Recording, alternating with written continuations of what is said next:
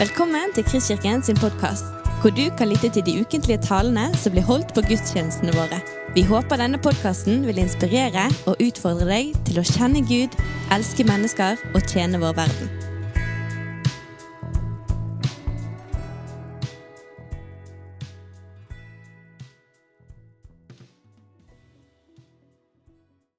Eh, og som vi har vært inne på allerede i dagens eh, gudstjeneste, så har det vært en litt spesiell sommer for oss her i menigheten. Tre gode brødre har gått bort. Og eh, jeg syns det har vært sånn Ja, det har vært veldig fint og rett å kunne vie disse tre ekstra oppmerksomhet på en gudstjeneste hver nå i august. Tarjeis eh, minneord til Reidar nå i sted syns jeg var veldig flott. Og I talen nå så ønsker jeg også å si en god del om Reidar. Ikke sånn at det blir et minneord, for det blir det ikke, men det er forkynnelse. Eh, og saken er den at vi har en gang i året en slags eh, visjonssøndag her i Kristkirken. Og det har vi i dag, der vi bruker eh, talen til å si noe mer om Kristkirken, hvem vi er, og hvor vi er på vei. Og da er det veldig naturlig, kjenner jeg, å trekke Reidar inn, for det er ikke til å komme unna at eh, Gud brukte Reidar til å sette denne forsamlingen her til verden. Så selv om Reidar eh, har gått bort, så vil nok hans eh, avtrykk i dette fellesskapet alltid finnes her. Og I dag så ønsker jeg å trekke noen eh, linjer fra Reidar sitt retningsgivende lederskap til hvordan det følger, preger og farger oss den dag i dag. Vi skal også se på hvordan dette har inspirasjon fra og sammenheng med Skriften. Vi skal oppholde oss i en av de mest kjente historiene fra Jesu liv, og se på hvordan denne òg har i seg en slags menighetsfilosofi. Men aller først har jeg lyst til å dele noe litt eh, personlig med dere fra eget liv og lederskap her i Kristkirken. For i disse dager så er det ti år siden jeg ble innsatt som forstander i en alder av 32 eh, år, og jeg har mange ganger lurt på hva i all verden det var som eh, ga meg frimodighet til å si ja til det. Tarjei eh, sendte meg nylig et eh, bilde av denne forstanderinnsettelsen. Det ser ut som at jeg akkurat har fått lappen. Og så skal jeg være forstander i Kristkirken i Bergen, der høvding Paulsen var liksom forrige mann ved roret. Skal det sies at situasjonen på det tidspunktet var at Kristkirken ikke hadde hatt pastor på fire år. Så når folk kom og sa at det her blir jo som å hoppe etter Wirkola, så tenkte jeg i mitt stille sinn at i denne bakken har ingen hoppet på fire år. Ja da. Nei da, men spøk til side. For jeg har egentlig veldig lyst til å fortelle dere noe fint innledningsvis. Og det er det. At en av de tingene som ga meg frimodighet til å gyve løs på det, var nettopp Reidars tydelige lederskap.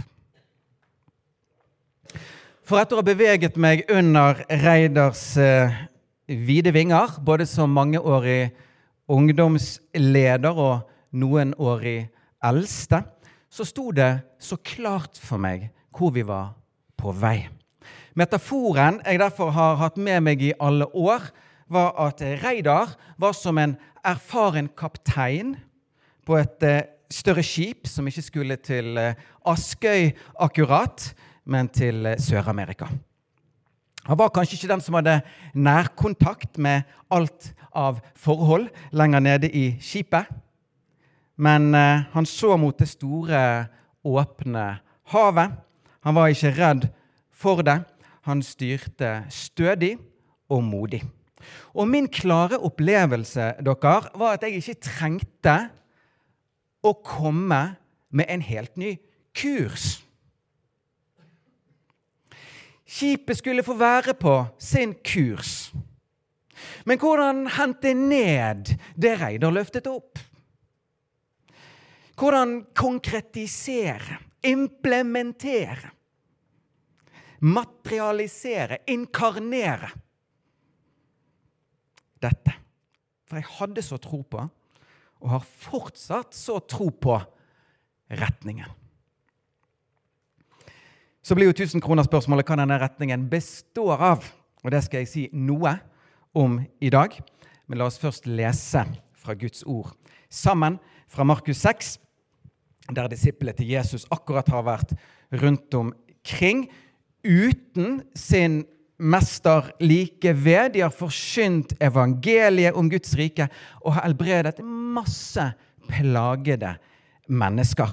De var full av begeistring når de kom tilbake, full av taletrang. Men i stedet for at Jesus bare ga gass inn i det, så merket Jesus at akkurat nå er det tid for tilbaketrekking. Men det var jo bare så mange folk som kom og gikk. Så han fikk de opp i en båt, og de dro så mot et øde sted med det som mål å få såkalt kvalitetstid. Og vi leser fra Markus 6, vers 33. Men folket så dem dra bort, og mange kjente dem. Fra alle byene kom de nå løpende til fots, og de nådde fram før dem. Da han steg i land, fikk han se mye folk. Han hadde inderlig medynk med dem, for de var som får uten hyrde, og han begynte å lære dem meget. Da det allerede var blitt sent på dagen, kom disiplene hans til ham og sa:" Stedet er øde, og det er alt langt på dag. Send folk fra deg, så de kan dra bort til bygdene og landsbyene her omkring og kjøpe seg noe å spise.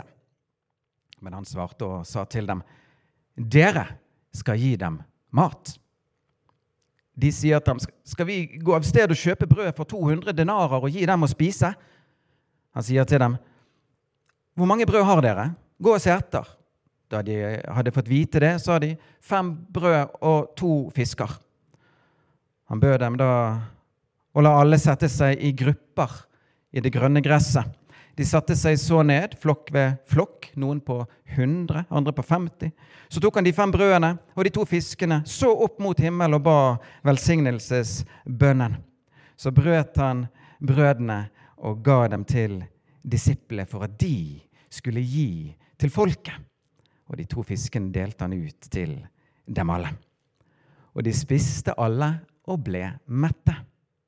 Og de tok opp tolv fulle kurver med brødstykker og det som var igjen av fisken. De som hadde spist av brødene, var 5000 mann. Og som en parentes i Matteus evangelium tilføyes det på slutten her foruten kvinner og barn. Så det var 5000 pluss. Dere, Denne beretningen her er kjent og kjær for mange mennesker. Alltid med i barnebibler. Her trenger vi ikke å redegjøre for hvorfor noen eh, stakkars eh, griser ligger eh, død og demonisert med baken opp i vannskorpen. Her møter vi en mild og snill og utdelende Jesus, en trygg figur som ser og møter basale behov. Fint. Men som alltid i Guds ord er det lag på lag på lag i alt som er der. Den som stopper opp og ser og ser og ser, får etter hvert øye på mer. Og For oss i Kristkirken bærer denne historien i seg en slags fellesskapsfilosofi, nevnte jeg. Og den setter oss på et vis på sporet av en slags oppskrift for menighetsliv. Og Jeg vil innlede med å si noe om gudsbildet som her kommer til syne. Vi ser en Gud som både er og handler utenfor våre skjemaer. En stor Gud som gjør som han vil. Som har veier som er høyere enn våre, som har tanker som er høyere enn våre. En Gud ingenting er umulig for. Denne ufattelige, uendelige, ubeskrivelige Gud. Men ikke bare øyner vi en stor Gud. Vi ser en barmhjertig Gud som har medlidenhet med mennesker. Men ikke bare øyner vi en uendelig stor og dypt barmhjertig Gud. Han er òg en engasjert, aktiv og inngripende Gud. Og et sånt gudsbilde, dere, som her skinner gjennom og kommer til syne, var det òg Reidar over tid overga til oss. En mektig Gud vi skulle frykte og tilbe. En god Gud vi kunne takke og glede oss over. Og ikke minst en handlende Gud vi kunne ha forventninger til. Forventning om fornyelse, vekst og vekkelse. Her var det dette begrepet 'hellig uro' vokste fram. Vi er takknemlige for det vi er gitt, men vi setter oss ikke ned.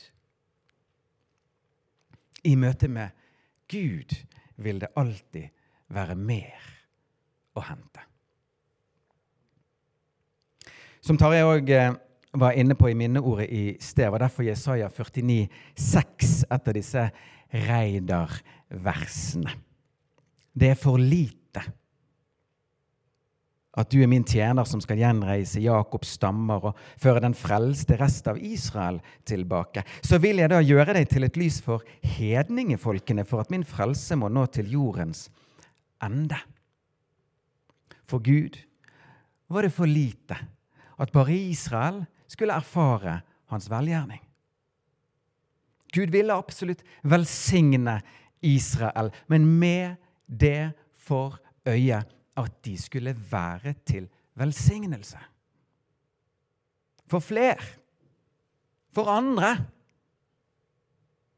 Gud ville at alle folk på jorden skulle få leve i nærkontakt med Han. Og for det er Israel utvalgt og velsignet.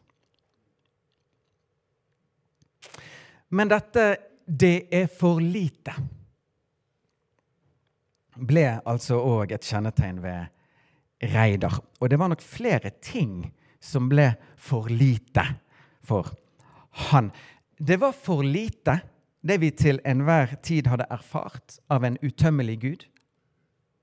Derfor søkte Reidar til jordens ender for å hente til Bergen de som bar noe vi ikke hadde, og som kunne gi oss del i mer av Gud. Det var for lite for Reidar å bare forholde seg til lokalmenigheten. Derfor ble han nå så sentral i både lokalt og nasjonalt enhetsarbeid og fikk internasjonalt nettverk. Men dere, kanskje aller mest var det for lite mennesker som hadde tatt imot Guds frelse. På samme måte som Israel skulle velsignes for å være til velsignelse, var dette poenget for Reidar når det gjaldt Kristkirken. Vi får for å kunne gi det videre. Vi har andre enn oss sjøl for øye her. Og her kommer vi i kontakt med misjonsmannen Reidar. Meget sterkt orientert utover.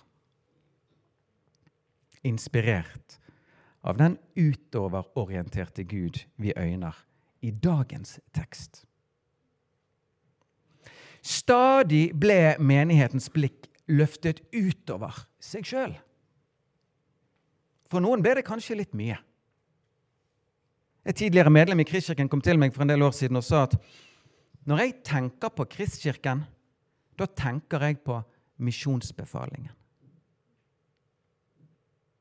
Da sagt som at det var vel mye utfokus. Og at det nære og intime gudslivet nok burde gis mer rom og vekt. Vi tar hennes ord med oss. Samtidig som det forteller om noe som er ære verd, nemlig om en forsamling som har hjerte for flere enn de som er en del av han. En menighet er ikke et cruiseskip, sa Reidar. Der du kan vrake blant tilbud, shoppe etter behag, og de som jobber der, duller med deg. Nei, menigheten er et hangarskip, sa han, som ikke kjennetegnes ved sin komfort, men ved sendelse.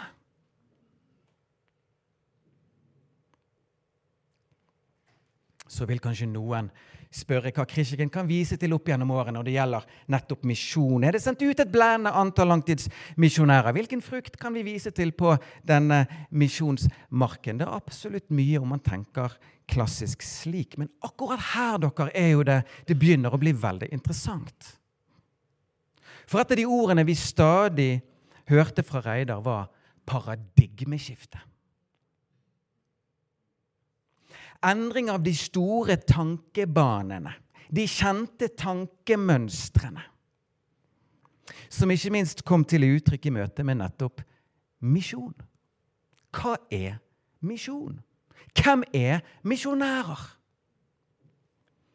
Som det ulike menighetsledere i byen sa til Reidar en gang, at man burde invitere Billy Graham tilbake til å ha fellesmøter i byen. Reidar svarte at Guds menighet i Bergen er hver dag i berøring med flere ikke-troende enn vi vil få med på møtene med Graham. Han var mer interessert i å bygge, utruste og fokusere på disse. Så han gikk tydelig i bresjen for vektingen av det allmenne prestedømmet i det nye pakt er vi alle prester for Gud som kan stå foran Gud på vegne av folket, og foran folket på vegne av Gud. I Guds rike er alle på A-laget. Gud gjør ikke forskjell. Vi er alle med. Ingen av oss er bare kalt til å tilhøre i Guds rike. Vi er alle kalt til å tilføre i Guds rike. Derfor var koblingen med Ed Silvoso som fokuserer så mye på hverdagslivet med Gud, så viktig for Reidar. Derfor synes han at Bethel Church det var interessant å utforske nærmere. For der skjedde helbredelser på gater av helt vanlige folk, ikke av noen felteksperter. Derfor tok Reidar i bruk begreper som at vi alle er forvandlingsagenter, som i lag kan få samvirke til samfunnsforvandling. Det var tydelig at det var for lite, det som bare skjedde i kirkene. Så må man kunne høre han hviske mellom linjene. Det blir kjedelig om det bare handler om oss her inne. Kom igjen. Ut og lev misjonalt. Alle sammen. Barn, unge, eldre, kvinner, menn.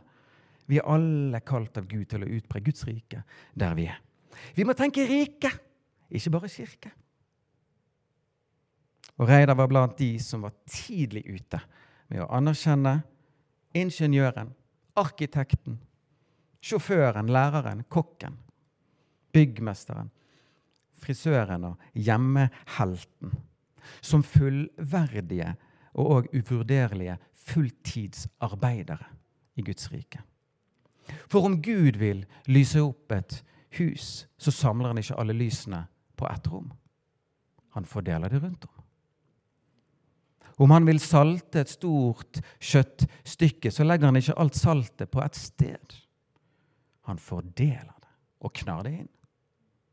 Om han vil gjødsle en mark, så samler han ikke gjødselet i en haug utpå der. Selvsagt sprer han det. Selvsagt sprer han oss og sender oss rundt omkring og overalt. Og hvorfor gjør han det? Kanskje ligger noe av svaret i dagens tekst. Da han steg i land, fikk han se mye folk. Han hadde inderlig medynk med dem, for de var som får uten hyrde. Så hva gjør Gud når han har så hjerte for folk som er uten hyrde? Han sender til folket de mennesker som har Jesus som hyrde, og som dermed er preget av Kristi si, hyrdenes sinnelag. Forfatter og forkynner Rick Joyner sa en gang dette, at han trodde at 97% av hyrdene i Guds menighet hadde sitt hovedvirke utenfor kirkens fire vegger. Hvorfor det? Eller hvordan det? Jo, sa han, det er jo der fårene som er uten hyrde, befinner seg.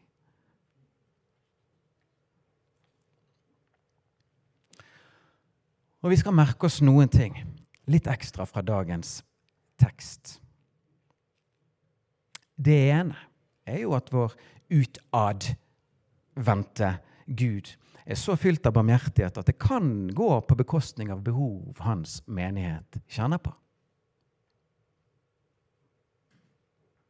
Det andre er at Guds menighet ikke har noe problem med å identifisere hvor skoen trykker for folket.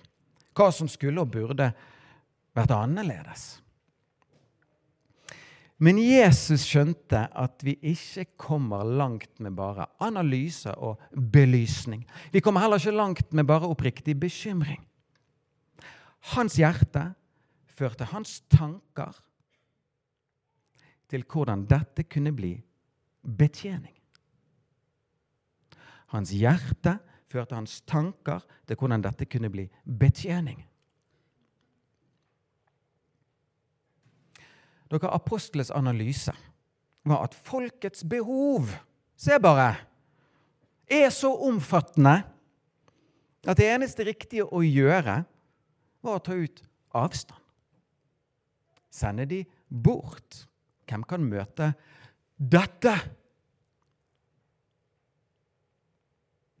Jesus ble ikke med på å sende folket fra de.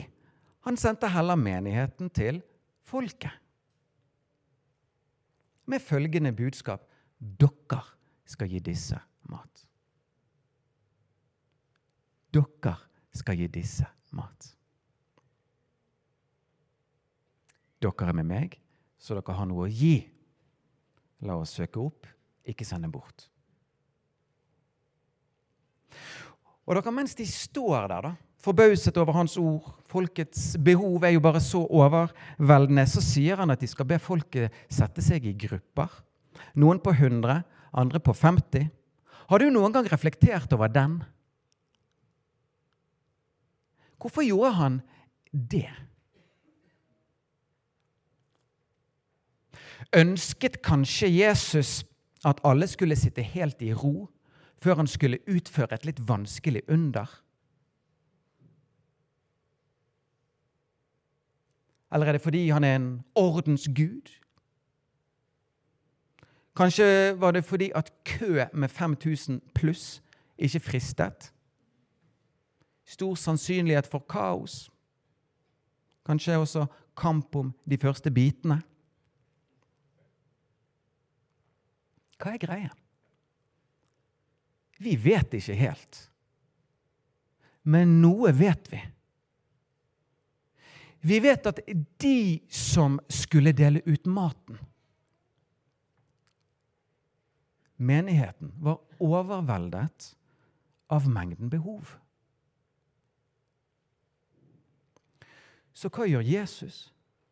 Han tydeliggjør for nettopp de som skal dele ut maten, at ingen av de har ansvar for å gi til alle. Det er det kun han som bærer ansvar for. Men alle gis de ansvar for å gi til noen. Med ett blir det mer oversiktlig, håndgripelig, overkommelig. Og hør etter, kjære venner, så sendes de alle til helt ulike grupperinger i dette samfunnet. Så sendes de til helt ulike grupperinger i dette samfunnet. Noen sendes ditover, andre sendes ditover. De er sammen om det store bildet. De har dypest sett samme kall og samme oppdrag, men de når ulike grupperinger og ulike mennesker, disse. Og I dette kjære venner, så ligger det et forbilde for Guds menighet. På et regionalt plan. Ingen forsamlinger er kalt til å nå alle, men alle er vi kalt til å nå noen. De Gud gir oss, så er vi sammen om det store bildet, der andres framgang er vår felles glede. Det gjelder for en lokal menighet. Ingen i fellesskap er kalt til å nå alle, men alle er vi kalt til å nå noen, de Gud sender oss til. Så er vi alle sammen om det store bildet, der andres fremgang er alles glede. Og hvem er det så Gud sender meg til? er jo da et spørsmål som gjerne melder seg. Hvilken gruppering, hvilke personer er det han gir meg? Til hvem er det jeg skal komme med nåde og næring fra Gud? En enkel pekepinn kan være der det alt finnes en etablert relasjon.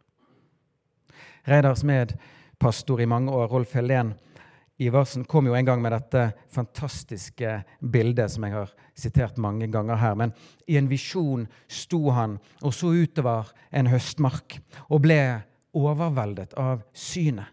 Høsten er så stor. Hvordan går man løs på alt dette? Hvor begynner man? En innkommende tanke meldte seg, sa Rolf Helen. Kikk ned. Hvilke aks er skotuppene dine allerede i berøring med? Oversatt hvor finnes det allerede en relasjon? Det vil i mange tilfeller være en pekepinn, og i det minste et godt sted å starte.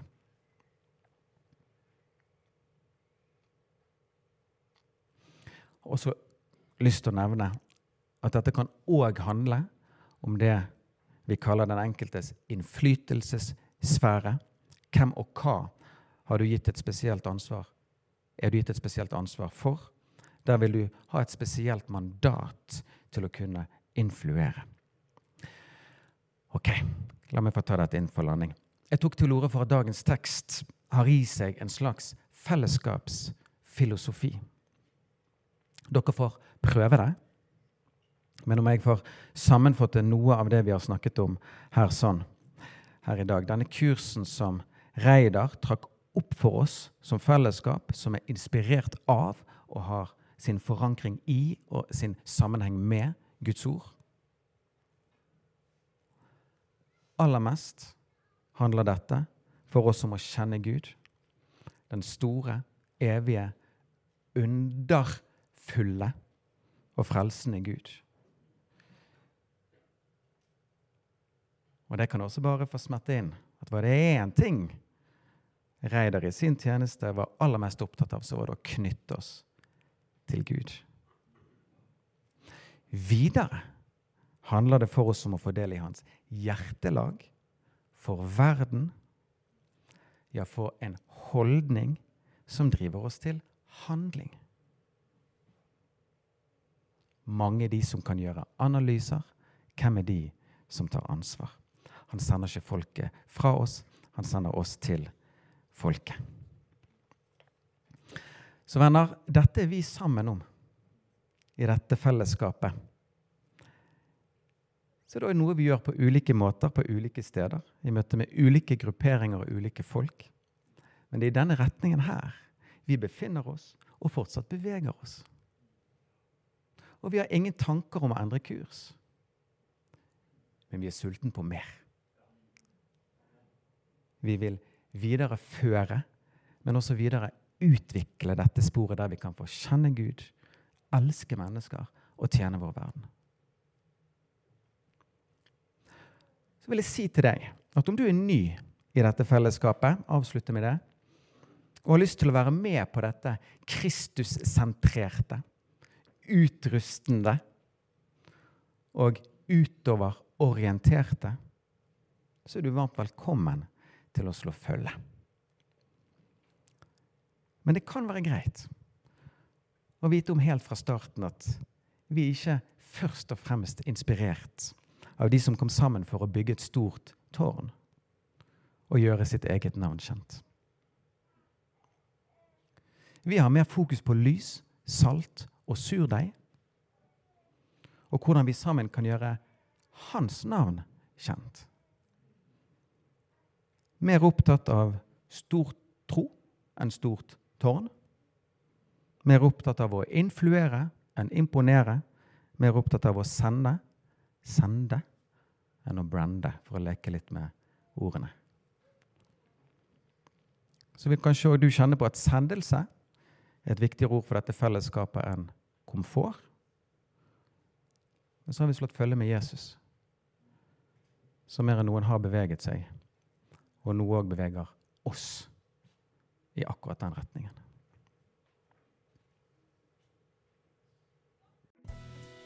Du har lyttet til en podkast fra Kristkirken i Bergen.